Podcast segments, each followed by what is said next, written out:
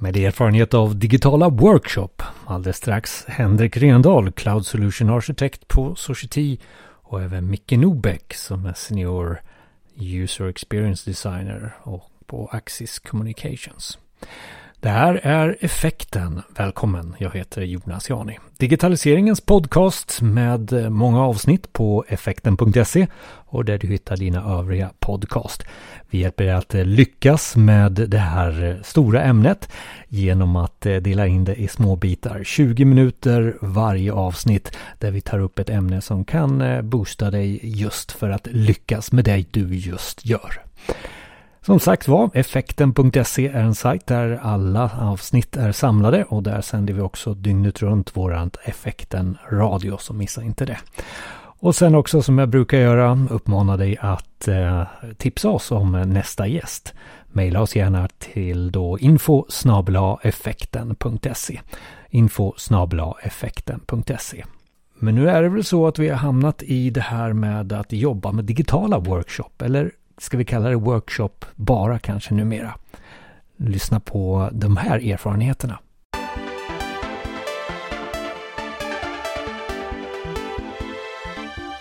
Då podden nu då tar oss lite mer handgripligen in och eh, tar oss an workshop eller digitala workshop så har vi bjudit in Henrik och Micke här som, som eh, någon form av expertpanel när det gäller workshop digitalt. Eller ja, vad, vad är egentligen digital workshop, eh, Henrik?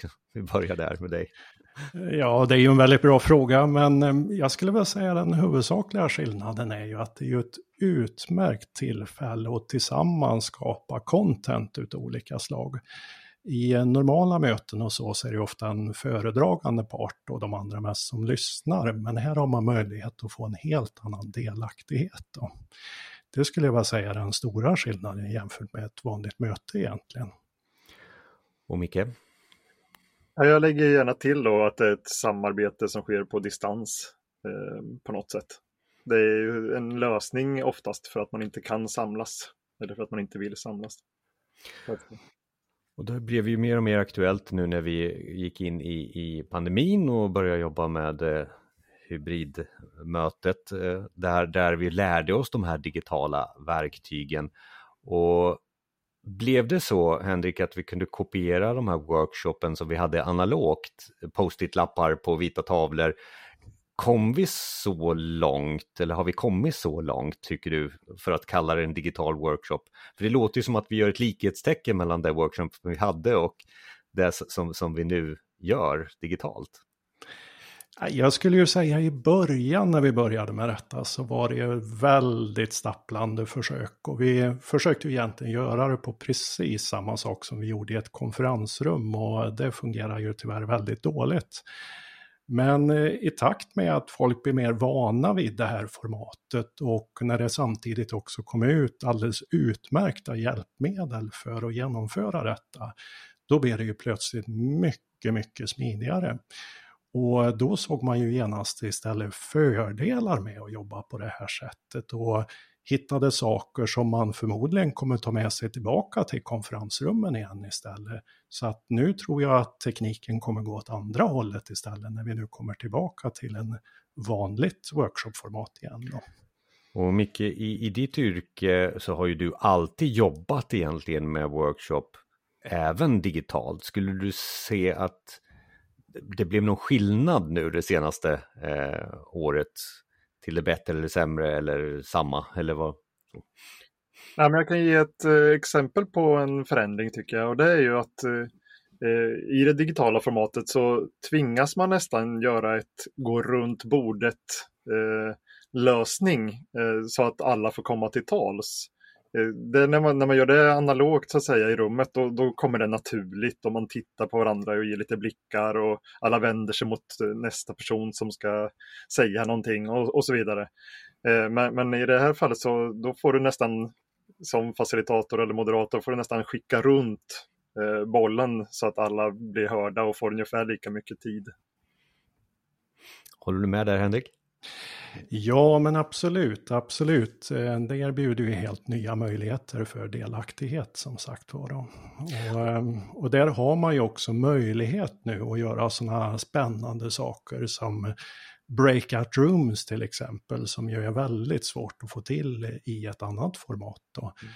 Och det är ju också ytterligare ett sätt att lyfta ut kanske lite tysta röster och lite försiktiga röster i gruppen eh, där de kommer till tals också. Då. Så omröstningar tycker jag är en annan sån sak som funkar väldigt bra digitalt. Eh, där man helt enkelt, ja som du säger, man, man kan rösta anonymt eller man kan rösta på andra sätt eller att alla röster visas samtidigt snarare än att man går fram till tavlan och drar ett streck och så påverkas man av hur de andra har dragit sina streck. Så Absolut. Ja, det, det finns många fördelar.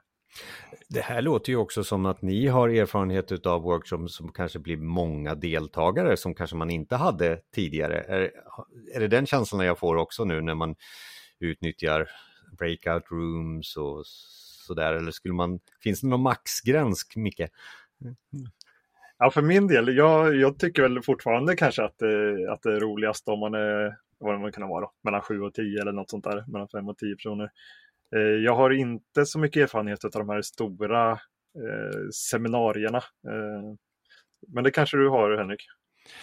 Eh, ja, jag skulle vilja säga att max som jag har haft på en eh, workshop är ungefär 80 personer skulle jag säga i ett sånt här digitalt format. Och vi gjorde faktiskt en sjukt cool liten övning i det här sammanhanget. Och det var faktiskt att alla de här deltagarna tillsammans, eh, de byggde en stad visuellt. Så varje liten grupp fick ansvar för en del av staden.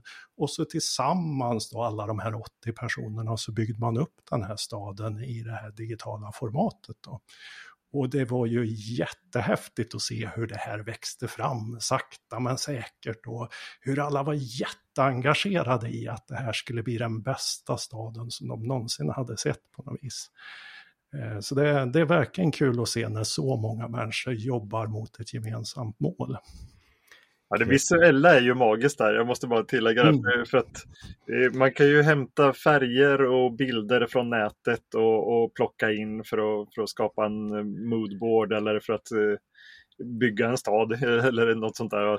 Så att du, du har ju mycket, mycket friare händer. Även om du själv inte är designer i grunden så har du möjlighet att, att plocka saker som du tycker om och så bara klistra in dem. Ja, ska man jämföra det med något för någon som inte har sett det här förut så zoomar man ut lite grann så ser det ut som en myrstack ungefär. Med massor av saker som händer på en gång och så här. Och man ser riktigt hur det byggs upp framför ögonen på en eh, med alla dessa små beståndsdelarna. Så det är otroligt häftigt. Och vi kanske kommer in på det, det finns ju flera verktyg så att vi, vi ska inte eh, gräva i, i verktygslådan riktigt än. Men jag är lite nyfiken Henrik eftersom du vinner där på antalet. Så jag börjar med dig med, med, med bra exempel eller roliga exempel på, på genomförande du har gjort när det gäller just workshop och roligt kopplat till bra resultat då förstås. Mm. Ja, det finns givetvis många exempel sådär, men ett som jag kommer att tänka på direkt så här är ju, eh, det var för massor av år sedan som eh, eh, jag blev anlitad i ett uppdrag där vi skulle analysera lite verksamhetsprocesser. Och eh, den här uppdragsgivaren den varnar mig i förväg faktiskt för den här gruppen, vilket ju är ovanligt att man hör en uppdragsgivare säga på det viset. Och ja, jag tänkte väl det är väl lite överdrivet, men eh, jag kände ändå jag måste kolla upp det här ändå, så jag kontaktade några av deltagarna i förväg sådär. Och de bekräftade ju den här bilden faktiskt, att det var en grupp där det var väldigt mycket problem och eh, folk hade svårt att komma till tals och det var några som var väldigt dominanta i gruppen och så här. Eh, och jag hade för en tid sedan läst om någonting som heter Icebreaker, eh, som är lite en sån där lära känna-övning kan man väl kalla det för. Och jag tänkte, jag måste ju testa detta, det är ju bara så alltså.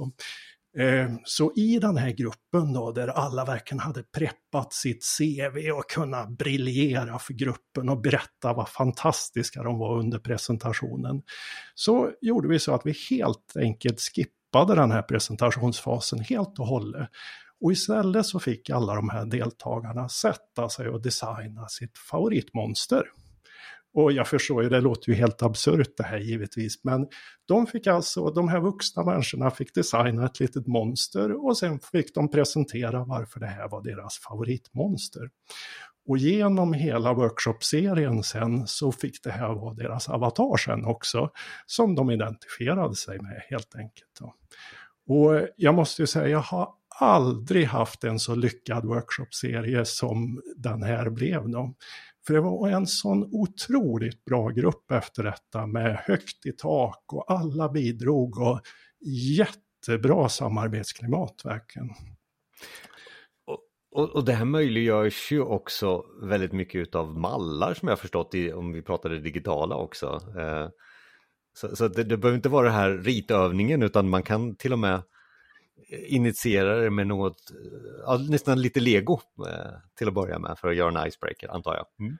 Mm. Ja, det är ju det som är så fantastiskt med de här nya verktygen som har kommit ut nu. Att eh, det finns ju hela mallbibliotek helt enkelt som gör jobbet väldigt enkelt för dig som organisatör av en workshop. För det finns verkligen mallar för allt mellan himmel och jord som du kan tänkas göra på en workshop. Och det är bara att klippa in och köra liksom. Det är instruktioner, det är förberett, liksom kräver bara fem minuters förberedelser och starta igång en ganska avancerad workshop faktiskt. Och mycket avancerad, eh, eller avancerat exempel eh, positivt från, från ditt håll då, genomförande av, av workshop? Eh, jag har varit deltagare vid en workshop som handlar om att Eh, designa ett nytt kontor på sex våningar. Eh, och där eh, hade man lagt upp det här på ett väldigt snyggt sätt. Så hela workshopen, det var i Miro, ett av de här verktygen då. Så, så ligger hela workshopen i, utlagd på en tidslinje som går från vänster till höger. Och sen nedanför den då så, så, går, så är det ett antal uppgifter att göra som man sen lyfter med sig ett steg i taget, resultatet av det man gör i en kolumn. Då. Så att, det är lite svårt att beskriva. Men, men till exempel så skulle man ta fram eh, vilka färger man vill använda eller om man vill inspireras av mycket ljus eller mycket växter eller vad det nu kan vara. Eh, om man gillar en viss typ av möbler. Allt det där kunde man liksom klistra in, ta från nätet och liknande. Och sen så fick var och en beskriva sina favoritutseenden eh, på kontoren. Och sen så när man diskuterat det klart så kunde man lyfta över det till, till nästa fas så att allting målades upp och växte långsamt åt höger och, och lades till en dimension inklusive lite omröstning, inklusive lite andra aktiviteter på vägen där för att försöka hitta fram till någonting som till slut då var, var, var något som alla kände var en, en bra gemensam lösning som hade jobbats fram tillsammans då utifrån det här första eh, ensamma stormandet eh, till att sen eh, storma tillsammans. Och här bekräftar du kanske också det som man känner i de analoga eh, workshopen att när man jobbar med post-it-övningar utifrån samma koncept där att till slut så blir det ju några eh, post-it-lappar post kvar och så, så som workshopledare så ska man sammanfatta dem där på något block sen som man inte gör. Eh, den aggregerade nivån blir lite automagisk i ett digitalt verktyg. Det är väl det också du, du, du, du påpekar här. Absolut, allt är ju redan dokumenterat när man har nått målet på något sätt. Du kan ju få ut det antingen som i, ja, i ett Excel eller om du vill få ut det som Word eller om du vill göra någon actionlista eller vad du, vad du vill ha för resultatet av workshopen. Och, ja, och det som är så intressant också är ju att precis det ni beskriver är ju en av de största styrkorna med de här verktygen, just hur man får ett sammanhang i all content som man skapar. Att har man en serie av workshops så på en och samma plats så ser man liksom hur allting hänger ihop. Och samma sak om man har många olika moment i eh, en workshop så kan man också se hur de relaterar till varann, även om de tidsmässigt är i olika faser på något vis.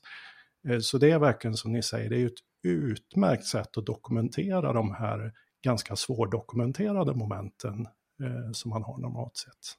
Och, och, Henrik, du som har jobbat i till exempel Miro och Microsoft eh, Whiteboard, nu nämner jag några lite verktyg här då, men det kommer väl med i de här mallarna eh, som du pratade om tidigt, att eh, liksom ja, eh, fyll i här och så, så kommer sammanfattas det här på slutet sen när ni är färdiga. Ja, och faktum är ju att det arbetet som deltagarna gör tillsammans, det blir ju också dokumentationen. Så att deltagarna dokumenterar ju själva egentligen, vilket ju är ett fantastiskt sätt att göra det på.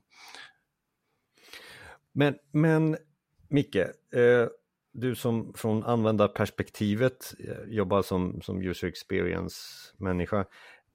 Det här, vi tar upp där det här med eh, hybridmötet och problematiken. Det är väl inte alltid en dans på rosor eh, när det gäller just Alltså det digitala workshopen i all ära, men är inte workshop bättre när vi fysiskt kan jobba lite med varandra? Så. Mm. Mm. Ja, Nej, alltså båda har ju sina styrkor förstås. Det är, det är ju härligt med mänskliga möten och att eh, spåna tillsammans och på ett sånt sätt. Men eh, jag tror att det, det, funkar bra. Det har vi kunnat, det har vi gjort i, i många år. Och vi kan som sagt, eh, som Henrik sa, vi kan inspireras från den nya digitala lösningen också. När vi gör ett, eh, en, eh, en, en lokal eller analog eh, workshop. Så det funkar bra och de digitala mötena och workshopparna börjar funka bra. Eh, så det som är det svåra är ju när, när man måste göra en hybrid. När några sitter på kontoret och några är ensamma eh, hemma då, eller på distans. Och det vi har kommit fram till, eh, och jag tror många andra gör det också, det är ju att man, man vill ju se alla på samma villkor på något sätt. Så att, eh, att ha den där kameran som sitter på väggen och, och filmar konferensrummet där det är åtta små prickar och alltså åtta små ansikten och man hör inte riktigt vem det är som pratar och man ser inte vad de gör riktigt och man vet inte ens om de är så där intresserade eller om de sitter och fipplar med mobilen. Det, alltså det, går, riktigt, det går inte riktigt att se. Eh, utan det, det, tror jag man ska undvika. Utan det som vi har gjort är att man tar sin laptop och så har alla sin laptop på Eh, med, med, bilden då och sen så mutar man alla dem och så kör man någon sån här Jabra Puck eller någon annan motsvarande eh, mikrofon och högtalare som alla pratar i, i rummet. Då. Så att då, då ser ju alla, alla på samma villkor eh, nästan. Så att de på distans är med i princip lika mycket som, som de som är med i rummet. Och då har man det digitala verktyget istället för de här whiteboarderna, analoga whiteboarderna, utan man tar ja. det som finns i det digitala verktyget. Är det, din, det är din erfarenhet också Henrik, eller? Ja, men absolut. Det är ju lätt så att de här som sitter på distans när man har ett fysiskt möte, att de glöms bort lite grann och kommer lite i skymundan. Så, och jag vill komma fram till ungefär samma sak som eh, ni beskrev här just med att det bästa sättet är att försöka hålla det helt digitalt. Då. Eh, men där skulle jag också vilja tillägga att eh, man ser ju nu också att konferensutrustningarna börjar utvecklas väldigt mycket efter den här tekniken också. Eh, för det kommer ju en hel del lösningar nu som verkligen är gjorda för de här hybridmötena också. Där man har helt andra möjligheter att se de här personerna som sitter på distans och även vad de visar och vad de uttrycker och så vidare. Eh, så jag tror att våra konferensrum kommer att utvecklas på grund av det här också. Vi får se om VR-headsetet eh, kommer in i, i konferensrummen. Man vet aldrig, man vet aldrig. Eh, men, men Henrik, vi ska toucha också, du och jag jobbar ju med kunder som jobbar i offentligheten till exempel och, och, och då touchar vi oftast med, okej, okay, ni ska göra en workshop, det här är informationshantering, säkerhet, utveckla lite vad du, vad du hör och vad, vad, vad det, det, det, det, är en utmaning. Så. Mm. Ja, absolut. Eh, det är ju egentligen en utmaning med all molnteknik just nu i de här miljöerna.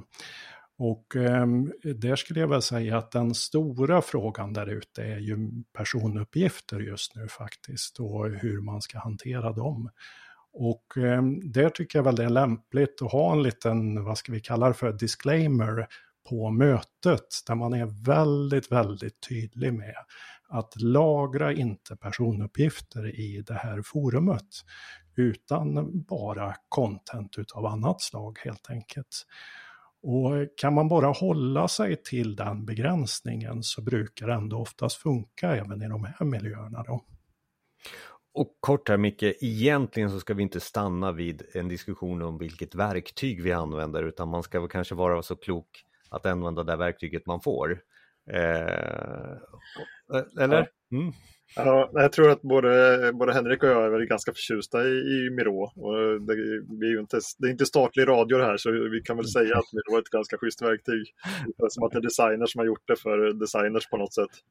Eh, men tyvärr så i min organisation då så är det inte möjligt att använda den av säkerhetsskäl. Eh, utan vi har en lösning som, som ligger bakom ja, Microsoft-inloggning och sådana saker som jag inte kan gå in på detaljerna. Men eh, tyvärr så får vi då ett annat verktyg som jag skulle säga utvecklat av eh, tekniker för eh, workshops. Då.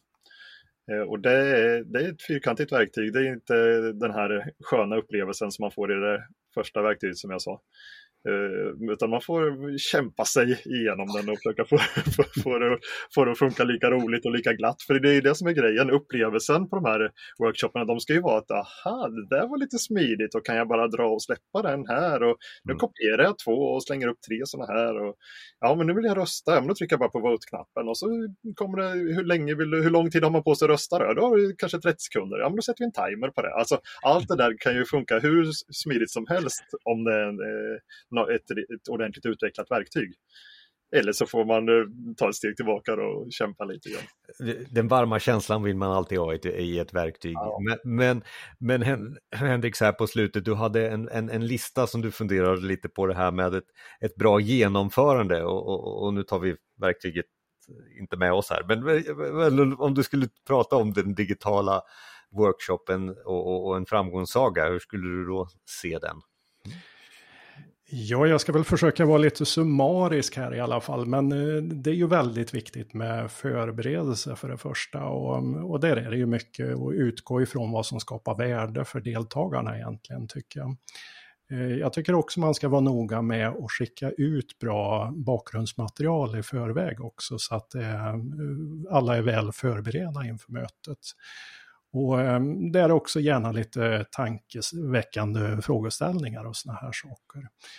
Och eh, sen tycker jag man kan tänka lite iterativt här också, att eh, det är mycket bättre att boka många korta möten än ett enda långt på något vis. Det ger oftast bättre resultat. Eh, sen vad det gäller själva genomförandet så har vi ju redan pratat lite om icebreakers. Eh, jag är en stor fan av icebreakers för att avdramatisera möten på något vis. Eh, det är också viktigt att använda ett språk som alla förstår. Ehm, en väldigt stor nyckel är ju också detta att skapa delaktighet. Då. Och där är det ju väldigt mycket att ja, ta väldigt korta, korta teoripass och försöka fokusera så mycket som möjligt på övningar och diskussioner istället. Då. Och gärna då sådana här övningar där man skapar saker tillsammans så man får den här dynamiken i gruppen. Eh, och sen då, ja, vi har ju redan varit inne lite på bra digitala verktyg då. Jag ska inte nämna några namn, men jag tror vi alla här är överens om ett väldigt bra verktyg i alla fall. Eh, och det gör ju tillvaron väldigt mycket enklare. Och det är ju inte det att det inte går att genomföra på de här lite mer komplicerade verktygen, men det kräver väldigt mycket mer förberedelser. Och där det kan ju då vara ett tips om man nu måste använda ett sånt här tråkigt verktyg. Och det är ju att det finns ju massor av sajter där ute på nätet som rekommenderar olika workshopformat och olika övningar och sånt. Som man med lite handpåläggning kan fixa till i sitt tråkiga verktyg. Då. Eh, och sen då också det här, försök att ställa ledande frågor snarare än att komma med massa svar. Och ehm, om någon person inte deltar i diskussionen så kan man gärna ställa frågor direkt till personen. Och sen då till sist då, här är vi återigen tillbaka lite till det här med det iterativa tänket och så här. Och försök att testa nya saker, utvärdera dem.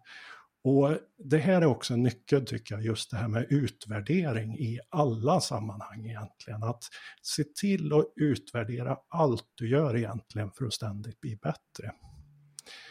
Eh, så det där är väl lite kortfattat i alla fall, de här tre olika faserna egentligen. Micke, är det någonting du, du highlightar i listan eller lägger till där? Nej, jag för, för, försöker koppla lite grann till den verksamheten som jag befinner mig i nu. Eh, och där, när vi har fått in ett nytt verktyg så, så försöker jag få en, en lekfullhet i det så att, eh, så att deltagarna kan bekanta sig med det på ett, på ett mycket mer avslappnat sätt. Det påminner lite grann om de här icebreaker-tänket, fast då är det icebreaker inför verktyget. så, så, att eh, vi, har ofta, vi har ofta retron i de här verktygen, alltså retrospektiv, eh, där man tittar tillbaka på de senaste veckornas arbete. Eh, och vi kanske gör, eh, vi, vi, gör lite quizar, vi gör eh, Ehm, jag har kört en fyra i rad-turnering med eh, 32 deltagare som smalnar av och det är kvartsfinaler och semifinaler och finaler och alla tjoar och kimmar och eh, vi hör ljudet åtminstone och, och se spänningen. Allt, allt är ju väldigt visuellt i de här eh, digitala workshopparna. Allting som, som Henrik har sagt här flera gånger tror jag, att det, det, det, målas ju upp, allting spelas ju upp. Så att har du, har du gjort en, en finalscen med lite pokaler och det händer lite saker och det, det är GIF-animationer och det, det, är roliga grejer, liksom överraskande saker. Har du planerat det hela så, så, så blir det en väldigt kul grej. Så det, jag tror att det, man, man, man ska nog försöka få in eh, användarna helt enkelt. Eh, så att de, man kan ha en liten övning i början om så här gör du för att klippa och klistra in saker från nätet. Eh, högerklicka på bilden och så stoppa in den där och vad du nu ska göra. Liksom. Det finns mycket att göra i, i den digitala workshopen och jag hoppas att vi kan komplettera lite av, eh, med länkar och sånt som, i blogginlägget eh, som kompletterar det här avsnittet. Eh, men innan vi avslutar, Henrik, vad, vad tar vi med oss ifrån det här avsnittet? Ja, vilken bra fråga. Um, om jag ska plocka ut tre saker så skulle jag ju säga försöka och verkligen få att alla möten och workshoppar skapar ett värde för deltagarna. Och ehm, om man på något vis misstänker att det inte skulle göra det så tycker jag man ska respektera allas tid genom att verkligen försöka engagera sig och hitta en annan form för kommunikation i så fall. Och, och inte vara rädd heller att ta hjälp av deltagarna faktiskt med att hitta idéer och så. Eh, en annan del är ju detta och se sig själv som en moderator snarare än en presentatör. Och jag skulle ju till och med vilja gå så långt så jag säger att ju mindre andel av tiden som man själv pratar, desto mer framgångsrikt har mötet varit faktiskt. Och sen till sist det kanske allra viktigaste utav allt. Och det är detta som jag varit inne på flera gånger med att skapa en trygg miljö för deltagarna. Eh, där alla helt enkelt vågar delta aktivt. Och där kan man ju verkligen försöka att lyfta fram de här tystlåtna och passiva personerna. Då. Och om det inte funkar så kan man ju prova att dela upp i grupper till exempel. Då. Micke, på slutet, vad tar du med dig? Nej, jag tycker Henrik eh, sammanfattar det här väldigt bra. Men det, vi säger det ganska ofta tror jag i, i podden när vi pratar om användarupplevelse och, och eh, tekniska lösningar och verktyg och sånt där. Att det, det, ska, ju vara, det ska ju vara njutningsfullt. Det, det ska vara kul och lite överraskande kanske. Du, man får planera workshopen på ett sånt sätt så att det blir en resa för, för deltagarna. För det, det, det, går inte bara, nu sätter vi oss i ett Excel-ark och så börjar jag skriva och sen så fyller ni på och så skriver jag och skriver och skriver. Den tiden är förbi på något sätt. Eh, utan, utan det, ja, det, det, det ska, de, de, andra, de som stänger av kameran tänkte jag säga, de är ju inte med. De, de gör något annat då när du sitter och fyller i Excel-arket och försöker göra någon sorts prioritering med några siffror. Liksom. Tack Henrik och Micke för att ni var med på den här resan i eh, effekten, eh, digitala workshop. Mer alltså i blogginlägget som tillhör avsnittet. Tack Micke. Tack. Tack Henrik. Tackar.